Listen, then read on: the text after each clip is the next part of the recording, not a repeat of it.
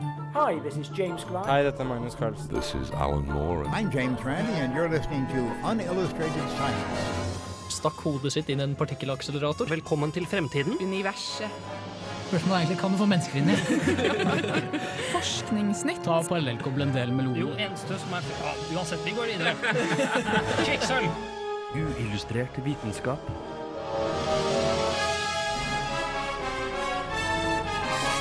Science, it works, bitches. I denne ukas sending av Uillustrert vitenskap har vi en Ig Nobel-spesial.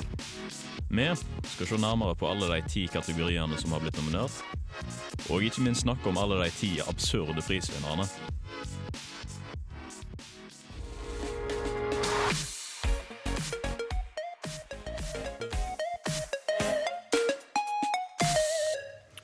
Hei, hei, og velkommen tilbake til denne, sendes- denne ukes sending av Uillustrert vitenskap. Jeg er som vanlig Andreas Haugland, og i dag har jeg med meg Gaute, God dag. Martin, hallo, hallo, og Andreas. Ja, hei. Ja, I dag har vi en litt spesiell sending. Vi, har, eh, vi skal ta og dekke den Nobelpris, Ig Nobelpris-sendingen som var eh, for Ja. et par-tre uker siden. Ja, det er, jo- det er en stor forskjell på Ig Nobel og Nobel. En veldig stor forskjell. Ja, eh, For de av dere som har vært lyttere en stund, dere vet sikkert hva dette går ut på. Og for alle nye lyttere så må vi jo forklare hva Ig Nobelprisen faktisk er. Absolutt. Eh, Og Ig Nobel er en slags parodi på nobelprisene, eh, hvor eh, tanken er at eh, forskningen som premieres, først skal få deg til å le, og deretter tenke. Eh, I mange tilfeller viser det seg at det er mest eh, latter og ikke så mye tenking. Da.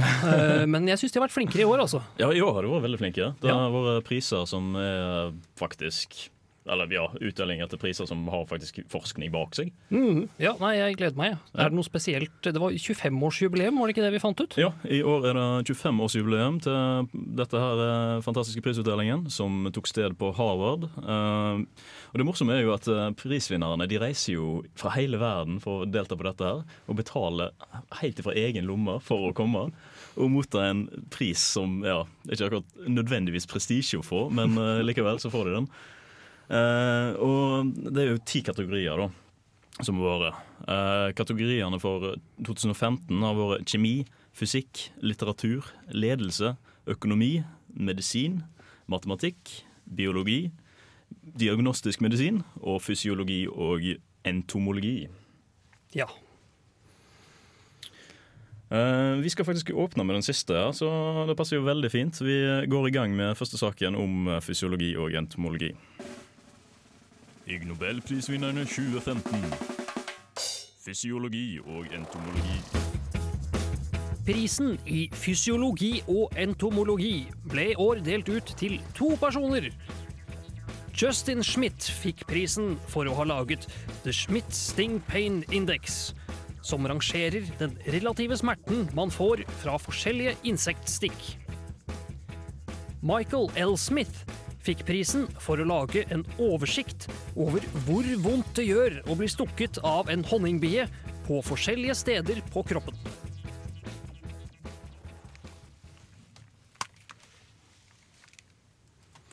Ja um, Dette her er jo en litt spesiell sak for dere som har hørt på oss en stund. Dere har jo kanskje hørt om dette før.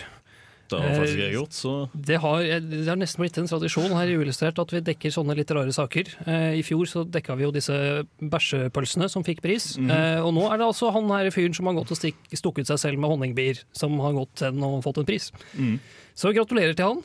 Um, vi kan snakke litt eh, om han andre, for det var jo to personer som deler denne prisen. Uh, han andre lagde da Schmidt-Sting Pain Index, eh, hvor du da har eh, 78 forskjellige årevinger. Det er da insekter som eh, maur, veps og bie.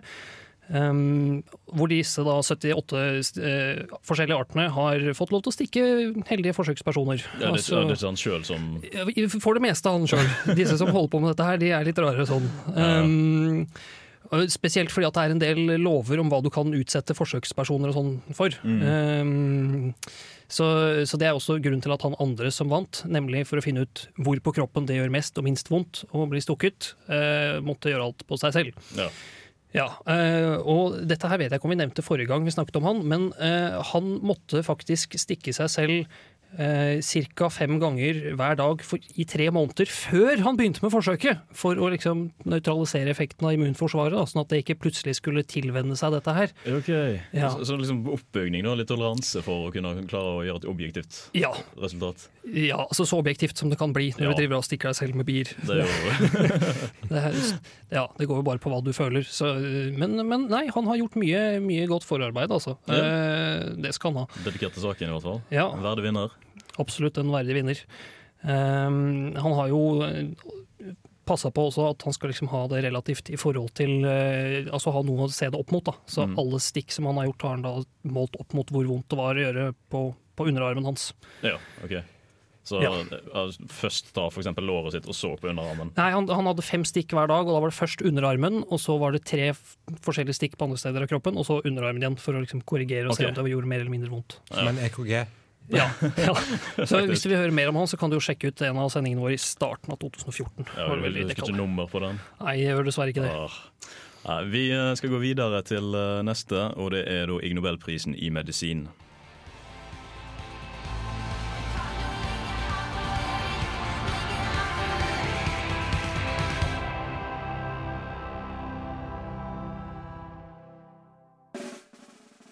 Ig Nobelprisvinnerne 2015. Medisin. Ig Nobelprisen i medisin gikk i år til to grupper forskere bestående av bl.a. Hajime Kimata fra Japan og en rekke slovakiske forskere.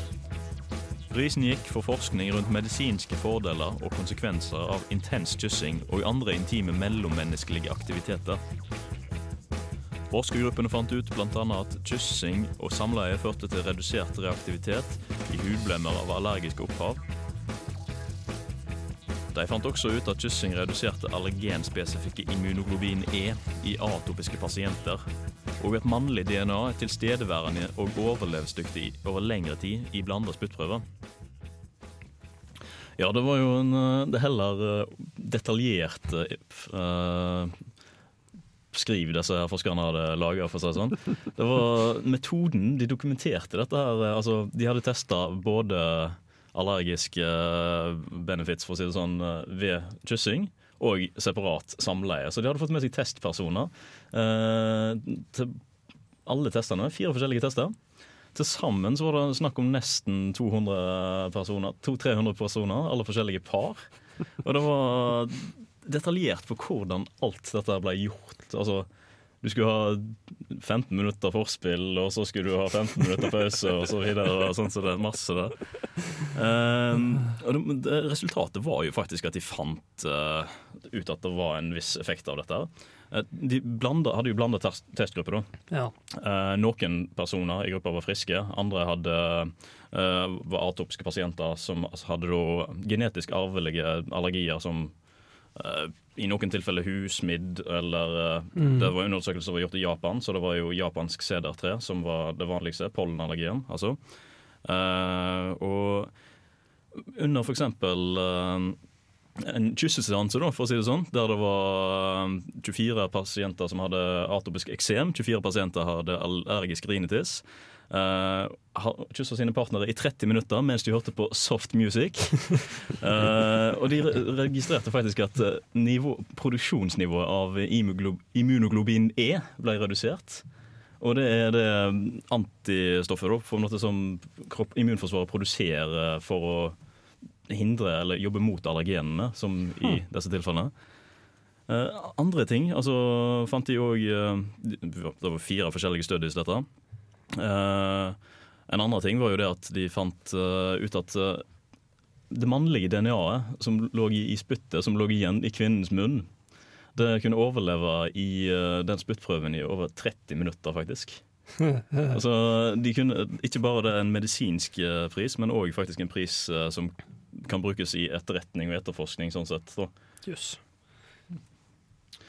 Eh, det neste vi skal ut og høre litt på, er Ig Nobelprisen i fysikk, og den kommer nå.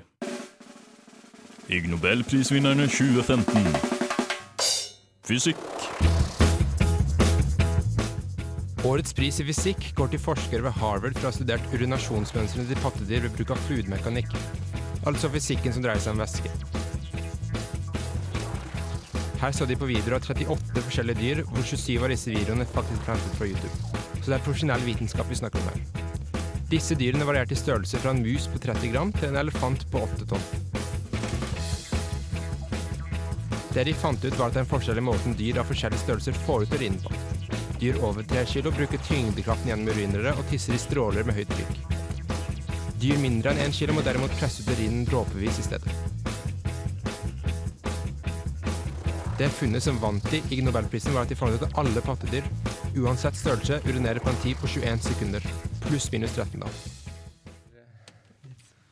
Ja, pluss minus 13. Det er Ja, ganske, det er en, det er en litt dårlig feil, da. Det er ganske Det er ikke- standardavvik, Du har litt sånn stort eh, standardavvik, ja, på 50% Over 50 Nei, men altså, jeg sa jo at 27 av videoene i forsøket var henta fra YouTube. Ja. Altså, Det det, er jo- snakker jo litt om profesjonaliteten, kanskje. Nei, jeg sliter litt med det. Altså, det er ikke videoer av flere dyr av samme art. Nei, det, det er bare en ett- video en av det. hvert dyr. Men de er fra Harvard, da. Men Ja. jeg husker jeg satt på realfagsbiblioteket på NTNU og så skulle, lese, skulle skrive denne saken her, og leste igjen rapporten. Men så kom jo, eh, har jo de lagt inn disse videoene i forsøket, eller i rapporten. Så jeg sitter her på realfagsbiblioteket, og så plutselig kommer det opp en svær elefantiss. Så tenker jeg nei. nei, dette går ikke liksom. Da måtte jeg gå hjem og gjøre ferdig den saken. Men ja. Men, men nå er det det store spørsmålet. da. Eh, hva kan dette brukes til, og kan det brukes til noe i det hele tatt? Nei, egentlig ikke. Det, det, det forteller oss jo Det har blitt forska veldig lite over dette dyret. Så det forteller oss litt mer om, eh, om, eh, om hvordan dyr urinerer enn vi visste før. da. Men inntil nå så vet vi ikke noe særlig om hvilken praktisk anvending det har. Jeg kan jo komme faktisk på en med en gang. Og Ja. det er at eh, Hvis du har skikkelig dårlig tid på morgenen og skal rekke bussen, så kan du beregne om du rekker å gå på do først eller ikke før du må løpe. For du vet at du har ca. 21 sekunder. Ja, men altså, tenk hvis det tar uh, 33 sekunder, da, i stedet for Nei, 34 sekunder i stedet for. Ja, det, det må liksom se det an, da, hvor mye tid du vanligvis bruker. Ja. Men tingen er at de brukte jo fluidmekanikk til å regne på dette, som er jo, det er jo noe av det verste du kan liksom regne på i fysikk. da, Det er jo kjempevanskelig. Så det de hadde gjort, da, det at de hadde sett på urinrørstørrelsene til forskjellige dyr og regna hvilket trykk det utøvde på vannet på dens vei nedover, samtidig som de også fakturerte inn tyngdekraften. Så det er ikke bare liksom tullete. De, de som hadde god teori bak det, da. Ja, jeg skjønner. Vi skal videre til noen flere flotte flotte, flotte Ig Nobel-spesialer. Men aller først så kommer det en låt. Det er 'Church' av BJ and The Chicago Kid. She says she wanna drink, do drugs, and have sex tonight. But I got church in the morning. But I got church in the morning. Church in the morning. She says she wanna drink, do drugs. She says she wanna drink, do drugs, and have sex tonight. I'm James Randi, and you're listening to Unillustrated Science. Ig Nobelprisvinnerne 2015. Litteratur. Vinneren av Ig Nobels litteraturpris går til Mark Dyngemans, Francisco Torreira og Nick J. Enfield i Nederland for å finne ut at hæ? Eller tilsvarende eksisterer i alle språk. Ja, det viser seg at du ikke er aleine når du sjarmerende roper 'hæ?' når din samtalepartner ikke klarer å overdøve resten av folket i nærmeste omkrets. Alle har noe tilsvarende, uten at noen helt vet hvorfor. Men det finnes noen interessante teorier som kanskje svarer på dette. Vi svarte forresten også på spørsmålet om hæ i det hele tatt kan klassifiseres som et ord. Jaha. Da har de sjekket om, eh, om eh, hæ er universelt eller tilsvarende. Altså eh, vår versjon er jo hæ, Ja. og på andre språk så er du a og ø, og noen går nedover. Sånn. For eksempel på Island, der går de nedover. What? Ja, Island av alle. Men da, da, jo, da føler jeg jo jeg det er en motsatt betydning. Altså en Ja. bekreftelse framfor uh, ja. ikke-bekreftelse. Ja, det er en bekreftelse. Ja, sant. Ja, sant. Ja, så det de har funnet ut, det er at uh, det er ikke fonetisk likt på alle språk, Nei. men alle har på en måte uh, skal vi si et ord som Eller ja, en lyd, En lyd, som ja. betyr det samme. Det er én stavelse. Og det har på en måte en sånn intonasjon som følger det som er på en måte spørsmålet. Om de går opp på slutten av spørsmålet, eller Ja, ok. Altså Om eh, språket går opp på slutten av, på en måte? Ja. Ja, Lingvistikken. Ja. Så det de eh, da har testet, det er jo da de sjekker setninger, altså at de tar og hører noen som har en setning på et språk, og så er det en som ikke hører den skikkelig, så hører de hvordan han reagerer på det. Og det har de sjekket da på utrolig mange språk som jeg aldri har hørt om. Sånn som chapala Ja. og lao. Jeg vil anta det er det de snakker på i Laos. Og så har vi litt mer kjente språk, sånn som islandsk, nederlandsk og ja, lignende og lignende og lignende. Ehm, det som de lurer litt på, da, det kan det klassifiseres som et ord.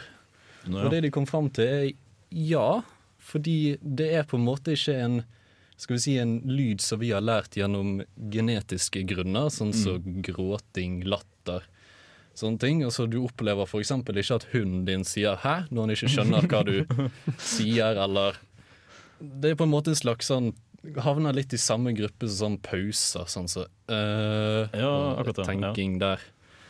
Um, Sånn som den. Sånn som den. Ja. Sånn som den. Jeg er veldig dårlig på det der. Det skal jeg bli bedre på. Det lover jeg. Um, så hva det kommer av, da um, Det varierer litt. det, det er på en måte en slags forenkling, da. At man uh, Det, det I stedet for sånn uh, 'excuse me', så Ja, blir det sånn så- Hæ? Rett og slett bare for å korte litt ned. Og det er i alle språk en slags forenkling av det, som til, svarer til deres språk og deres intonasjon. Ja, akkurat. Det neste vi skal se på, er Ig Nobelprisen i biologi, og den kommer nå. Ig Nobelprisvinnerne 2015. Biologi.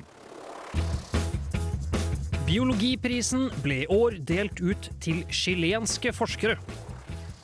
De fant ut at hvis du fester en tung pinne på bakenden på en høne, vil høna gå på en tilnærmet lik måte som dinosaurer. Forskerne festet kunstige haler som skulle tilsvare halen til en dinosaur, på kyllinger, for deretter å studere hvordan dette påvirket ganglaget til kyllingen etter hvert som den vokste opp. Sluttresultatet var at dinosaurhalehøna hadde en mer hoftedrevet gange enn en vanlig høne, tilsvarende måten man antar at dinosaurer gikk. Så med andre ord, de har klart halvveis å bevise at eh, høner og fugler er litt dinosaurete. Ja, altså Akkurat det har man jo klart å bevise for lenge siden. Eh, sånn genetisk og fysisk oppbygning og sånn. Ja. Eh, men de har jo forskjellige ganglag, da. Mm. Så nå var det noen som tenkte at ok, hva skjer hvis vi gir hønene en lang hale? Sånn som da sånn typiske teropoder som Tyrannosaurus rex og sånn, da. Ja. Nå skal det sies at man vet jo ikke egentlig akkurat hvordan sånne dinosaurer gikk heller. For det er ikke så veldig mange dinosaurer du kan liksom, observere i levende live Ah. eh, som trasker rundt i gatene. liksom simulator eh, Jurassic Park. eh, Ja, ja, ja, altså, de har jo ganske mye fossiler og sånn å beregne seg på. Da. Um, og det de tenkte var at siden hønene er i nær slekt, eller i hvert fall så nær slekt som det vi kommer, så tar vi en lang pinne, og så fester vi den med litt sånn modelleireaktig lignende sak mm. på bakenden av en liten kylling. Og så passer vi på at den halen er, tilsvarer 15% av kroppsvekten. Så bytter vi den litt sånn jevnt mens fugla, fuglen vokser opp, sånn at den hele tiden har en proporsjonalt like stor hale. Mm. Og så ser vi hva det gjør med ganglaget. Og ta-da, du fikk en høne som måtte lene seg lenge fram for å kompensere for vekta. Ja, og du får litt mer hoftedreven gange, da? eller? Ja, den bruker visst mer muskulaturer i forbindelse med liksom hofta, i Ja. motsetning til noe i knærne, som visstnok er det de vanligvis bruker. Ja, ok. Eh, Så de fikk en sånn liten forskyvning i ja, hvordan det gikk. Um, og ja, Nei, er det eh, Begynte hanndinosaurer å liksom lage lyd seks om morgenen, sånn som hanen gjør? Liksom dra flere liker det? Eh, kanskje. Jeg vet ikke, Det er kanskje litt vanskelig å finne ut av det også, for Ja. da må du Du Da må får, du- du du må få luft og lunger i en dinosaur. For å si det Ja, sånn. må- Fylle lungene til, en, eh, til et skjelett er litt som litt vrient. Ja. Um, men eh, ja, nei, de har i hvert fall gjort ganske ordentlig forskning på dette, dette her. Da, og eh, hatt kontrollgrupper, én kontrollgruppe som de var helt vanlig ved siden av, for å sjekke at det ikke var noe spesielt rart med de kyllingene de brukte. Mm. Så det er en kontrollgruppe som fikk ekstra vekt på seg, men at den ekstra vekten ikke var som en hale, da, sånn at de hadde likt tyngdepunkt som en vanlig høne. Ja. Er Seriøs forskning, det vil jeg si. På Ja, alle måter. jo da. Hyggelig.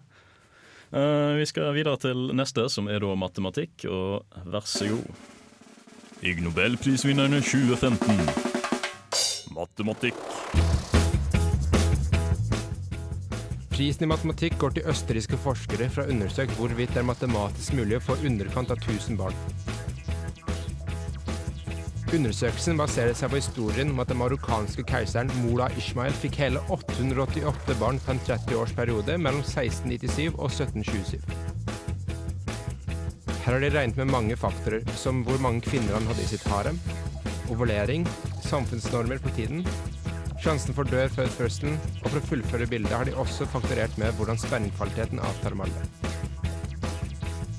Dette ble gjort i form av tre kjente matematiske modeller for fødsel, og ble programmert inn i Python. Så det er altså fullt mulig for enhver førsteklassing med ITGK å gjøre dette selv. Jeg må si matematikk.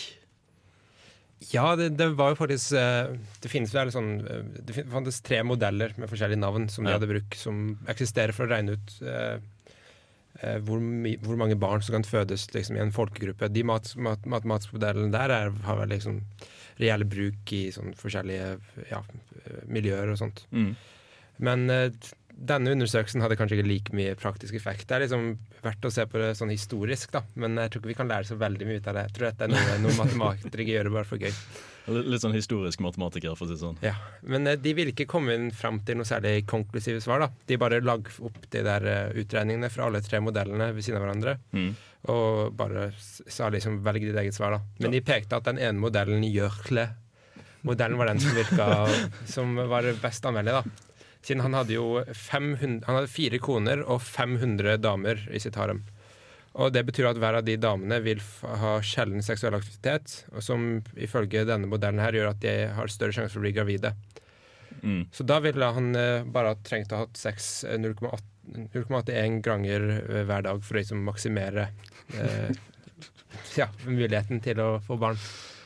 Men den det kommer også ut historier om at han visstnok drepte mesteparten av de eh, kvinnelige barna sine med en gang de var født. Som betyr at uh, han istedenfor må ha født sånn ca. 1600 barn. Og da er det i hvert fall mulig. Jeg får ikke håpe det er han som har født dem, men uh, Ja, det, ja selvfølgelig. Da, da er det umulig, da. Da- i så fall sikre kildene. Men det er mest sannsynlig ikke sant det at han fikk 888 barn selv heller. Det er jo Nei. Spesielt når de sier 888. Jeg tror det, da, det vil si liksom litt om Vi trykker på hvor- hvor tastaturet mye tre det er, da. ganger, se hvor vi treffer. Ja. Men han eh, kan godt være at han fikk en god del barn, da. Men eh, han, er, han har ikke det største genis, genetiske, liksom. Han fikk kanskje flere barn, men Djengis Khan var jo så mye rundt omkring og Mm. fikk barn overalt at han er vel i familie med 6% av Asias befolkning nå. Det er ganske dominerende. Så ja, han har 18 millioner etterkommere. Nå kommer vi til neste låt, som er 'Tell Me Why' fra Tell Me Why-EP-en til 'Death by Unga Bunga'.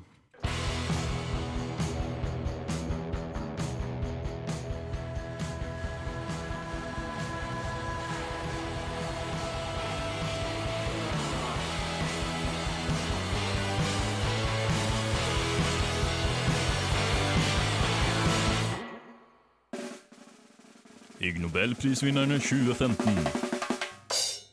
Diagnostisk medisin. Prisen for diagnostisk medisin i år gikk til en gruppe på åtte forskere og viser at det kan diagnostisere blindtarmsbetennelse ved å observere mengden smerte en pasient opplever når han kjører over en fartshump. Forskerne fant ut at tilstedeværelsen av smerte når han kjørte over fartshumper, var assosiert med en større sannsynlighet for blindtarmsbetennelse. Dermed viste gruppa at denne testen var så nøyaktig at den på flere punkter trumfa andre tester brukt i klinisk vurdering av pasienter. Og Det er ganske fint at eh, et så praktisk eh, eksempel som dette her faktisk trumfer, trumfer flere eksisterende tester for å klinisk vurdere om du har f.eks. blindtarmsbetennelse. De må ha sånn humpel inn til sykehuset. Så bare tar du ambulansen og så kjører du den. Ser du om det er blindtarmsbetennelse. Drosjesjåføren kjører deg over en fartshump først. Nei, han har ikke blindtarmsbetennelse, det går fint. I denne undersøkelsen da, så var det 64 personer som eh, var med. Mm -hmm. 34 av disse her hadde blindtarmsbetennelse eller historie med det. Altså historikk med det. Eh, og 33 av de 34 med blindtarmsbetennelse opplevde smerter når de kjørte over fartshumpen.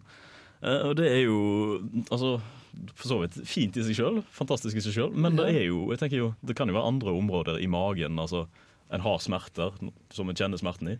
Ja, det er jo et veldig godt poeng. For det er sånn, altså, det er klart at hvis du har vondt i, i magen, så vil det ikke nødvendigvis være godt å kjøre over en fartsdump litt Nei. sånn raskt. Uansett hva det egentlig kommer av. Det er sant. Eh, Man har jo ja. også de fartsdumpene som gjør vondt uansett. De som, de som er mer sånn som små fortauskanter med ikke noe fortau på andre siden. Nei, sant. Er helt riktig. Nei, så Man kunne jo også vært gravid eller Ja. hva som helst annet. Ja, men det er ikke så stor forskjell på blindtarmbetennelse og å være gravid, altså. Det er, eh, Ja, det er litt ta- sånn hipp som happ hva du velger Nå det her. jeg skulle ta, en veldig upassende vits, men det skal jeg ikke gjøre.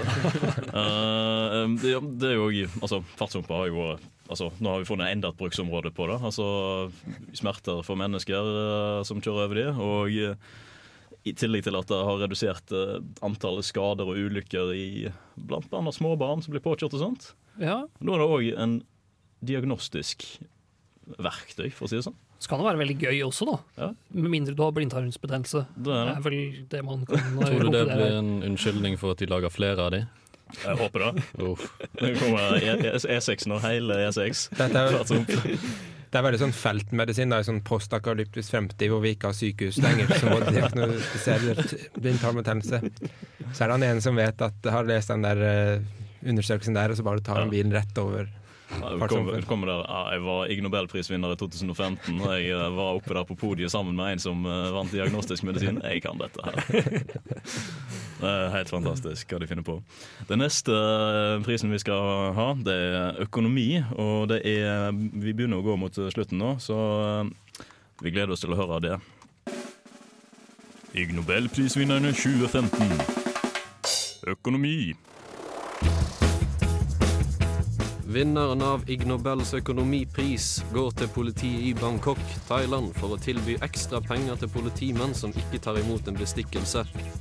For hva er bedre enn mer penger når man kun har penger? Dette tiltaket er satt i gang som en konsekvens av høy korrupsjonsrate blant trafikkpoliti i Thailands hovedstad Bangkok.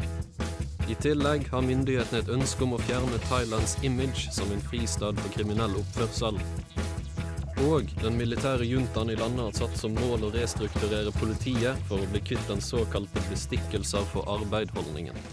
Uh, oh, da, det, det her var en faktisk litt interessant greie. Det var det. var Politiet i Bangkok sliter med mye bestikkelser. Mm. Altså, hvis du skal ut av, hvis du kjører litt for fort, så er det å, du får en bot på 750 kroner. Men hvis det- Ja ja, men uh, du kan jo bare få en 50-lapp av meg, så la det gå. fint, ja. Ja. Og det har blitt litt sånn generell holdning der. Nå er politiet lei av sånne ting, eller politiet politistyret, om du vil. Mm. S- Myndighetene. Myn ja, det er vel de, da. Uh, de, eh, de har da innført en fin løsning på dette, med at hvis du sier nei til denne her, så får du litt ekstra penger. Og dette har faktisk blitt gjennomført. I, jeg leste på internett, engelsk kilde, så Police Major General Adul Narongsak. Ja, han, ja. Han, han sa, ja, du har hørt om han. Han sa i et intervju til Reuters at eh, politimenn fikk, eh, at to politimenn fikk 10 000 baht, som er ca. 2300 kroner, for å nekte en bestikkelse på 25 kroner. Så nå er det myndighetene som bestikker de i stedet for, eller rettere belønner de, da, for å si det sånn. Ja, ja, det blir på en måte sånn. Ja, ja. Fight fire with fire. Ja, ja, ja. litt. Eller fight fire with a, an even bigger fire. Ja, ja, ja. Og vi kan jo sette dette litt i sammenheng, da, eller litt, sammenligne det litt. For eksempel, de fikk 2300 kroner for å nekte en bestikkelse på 25, og startlønnen for en politimann eh, ligger på ca. 1400 kroner per måned. Ja, Så han fikk en og halv månedslønn, nesten. Ja. Wow. Begge to. Begge to. Så det det jeg ser for meg, da, det er at nå begynner kanskje de, som, de kriminelle er litt høyere oppe i systemet, at eh, de kommer vel kanskje til å betale litt ekstra, da. Så plutselig så eh, har politimenn eh, yachter og alt mulig. Og sånn bidding war. Ja, altså jeg ville nå faktisk trodd det var lettere å bare si ja, ja, ja, du kan ta imot bestikkelser, men da må du betale skatt for det. Ah, Ja, lurt. ja. Neste låt ut det er 'Summer' av Emelo Love.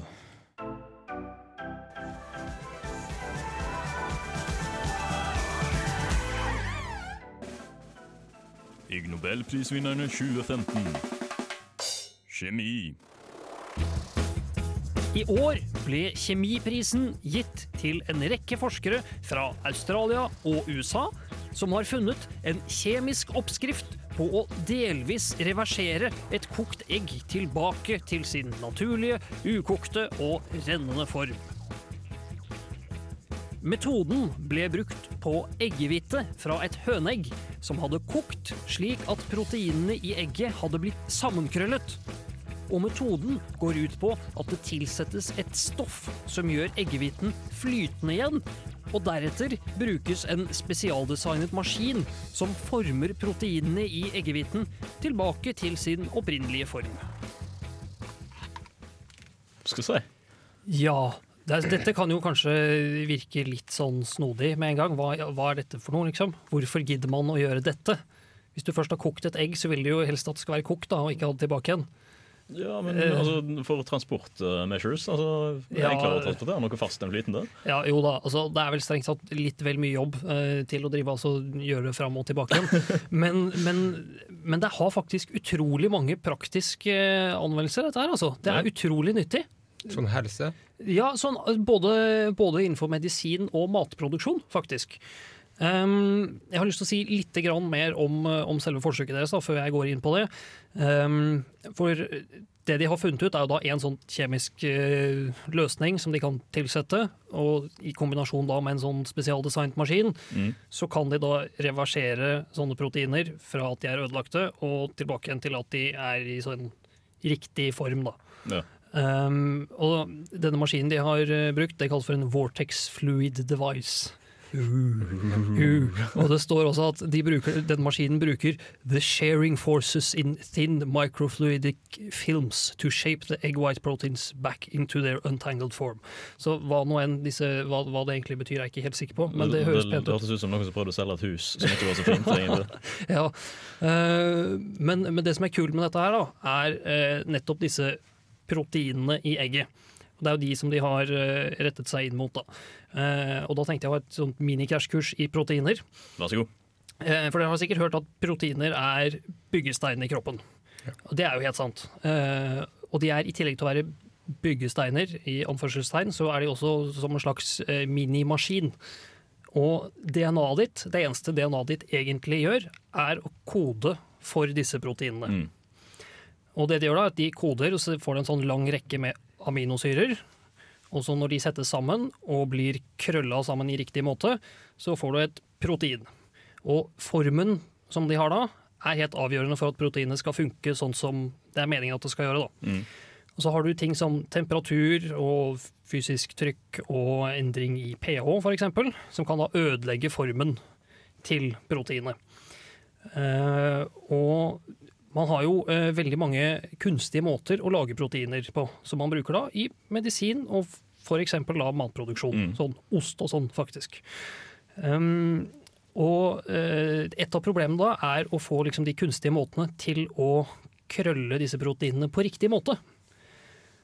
Men her har du da faktisk en ny metode som gjør at uansett hvor ødelagt strukturen er, så kan du få liksom trykt den tilbake igjen på den måten som du vil at det skal være. Kan rett og slett bare reparere alt. Ja. Alt mulig. Så eh, for eksempel så i, eh, i kreftbehandling da, så la, bruker man eh, eh, celler fra eggstokk hos hamster eh, til å produsere noen spesielle proteiner. Eh, fordi at de har, lager veldig få feil da, i strukturen på proteinene når de eh, konstruerer dem. Ja. Men det er mye billigere å lage proteiner med bakterier, f.eks. type E. coli. Da. Men Ja, da kan de da bruke de billige E. coli-bakteriene til å lage proteinene, og så bruke metoden for å få riktig form. Ja. Det er Fancy. Veldig fancy, for å si det sånn. Ja. Veldig lurt å nytte det på den måten. Du sikrer deg jo effektivitet og sikkerhet sikkerhet -hmm. billig, på en veldig billig måte. Absolutt. Eh, Den siste prisen som vi enda ikke har snakka om, det er Ig Nobelprisen i ledelse, og den kommer nå. Ig Nobelprisvinnerne 2015. Ledelse. Ig Nobelprisen for ledelse gikk i år til Gennaro Bernil, Vineth Bhagwat og Raghavendra Rao. Forskerne fikk prisen for å oppdage at mange forretningsledere utvikla en forkjærlighet for å ta risiko når de i barndommen opplevde naturkatastrofer som ikke hadde noen store personlige konsekvenser for dem. Resultatet var en relasjon mellom intensiviteten av en direktør sin eksponering for fatale katastrofer i barndommen og risikotakning i arbeidslivet. Lederne som var eksponert for mer, var ledere for mer aggressive selskaper, mens de som var eksponert for mindre, leder på mer konservativt vis. Hi, this is James Grime from Numberphile, and this is Unillustrated Science. Det er jo en eh, ganske interessant måte å se sammenheng mellom ledere og hvordan de oppfører seg. Altså, hvis du har opplevd en naturkatastrofe som ikke er traumatisk for deg, så er du en aggressiv og god leder på den måten. Det er jo Ja. Jeg lurer veldig på hvordan de fant ut at dette var noe vi må teste for. det Altså, hva, hvordan i alle dager finner du ut at ok, altså jeg skjønner liksom jeg skjønner jo teorien bak det. altså at Hvis du kan være i sånne risikofylte opplevelser uten å liksom ta skade av det, Så du så vil du ja. ta større risiko selv senere Ja. i livet. Men Det det er er, det er jo likevel ganske spesifikt å gå inn Veldig spesifikt. Så, så de sjekket ikke om det gjelder, skal vi si, uh, andre mer unaturlige ting, altså krig, eller kanskje at de var sånn uh, eh, adrenalin-junkies. Det sto spesifikt naturkatastrofer. Spesifikt, ok. Så hvis du virkelig vil bli leder, så går du først induck, og så reiser du liksom til et sted med naturkatastrofer, og så opplever du liksom det. Så Nei, nei, det, det, det viktige det var i barndommen. Du skal oppleve det i barndommen, sånn at du får det tidlig Ja, da er det viktig at foreldre får uh, barna sine i naturkatastrofer. Da, Ja, ja, ja, ja, ja, ja, ja, ja, virkelig så gå tidlig som langt det. med Så du må finne den riktige balansen. Du vil ikke ha en sjef som er altfor konservativ, men han skal heller ikke være den som tar litt for mye sjanser. Så sånn én vulkan, kanskje? Ja, du må, måler det etter vulkan. Altså, det er en skala med vulkan, tsunami, orkan Ja. osv. Meteornedslag er jo kanskje siste Kanskje en halv, da. Er dette en utfordring til neste års uh, Ig Nobelpris å prøve å få noen til å regne ut eh, statistisk sett hvor mange naturkatastrofer det er, er liksom lønnsomt å oppleve for å bli en god leder? Vi kan lage en skala, sånn som Schmidt-skalaen eh, for insektsmitt. Kanskje dette er hvordan vi skal redde oljebransjen. Bare sende alle lederen til en vulkan, og så bare Der får de det. Høres ut som du skal drive med noe sånn hawaiisk eh, offeropplegg. Ja, Få de til å surfe på en dør gjennom en flom, eller noe sånt. Ah, Mm. da har vi det. Det er hva jeg tenker. Det er jo mange interessante priser i årets uh, Ig Nobel, egentlig. Ja, jeg vil si at eh, denne kjemiprisen med egget tror jeg kanskje er den som har størst praktisk eh, ja, ja, nytteverdi, da. Absolutt størst praktisk nytteverdi, men det mest interessante syns jeg var egentlig eh, hønegangen. Ja, den var bra, den altså. Og så en ting om økonomien. Eh, Ja. jeg, fant ikke ut hvordan de sjekker om politimenn eh, eh, snakker sant når de sier de har blitt bestukket, for å si det sånn. Det er ingen dokumentasjon på det. i det. Eh, kan godt hende, uh, men jeg fant det ikke. Nei. Det er jo det. Uh, sendingen går mot slutten. Eh, som vanlig har jeg vært Andreas, og det har vært veldig hyggelig å ha dere her i studio. Sjekk oss ut på Facebook og iTunes når den tid kommer eh, for det. Og så vil vi veldig veldig gjerne takke vår tekniker Endre for en utmerket jobb her i studio i dag. Ha det bra til dere, og ses igjen neste sending. Ha det bra.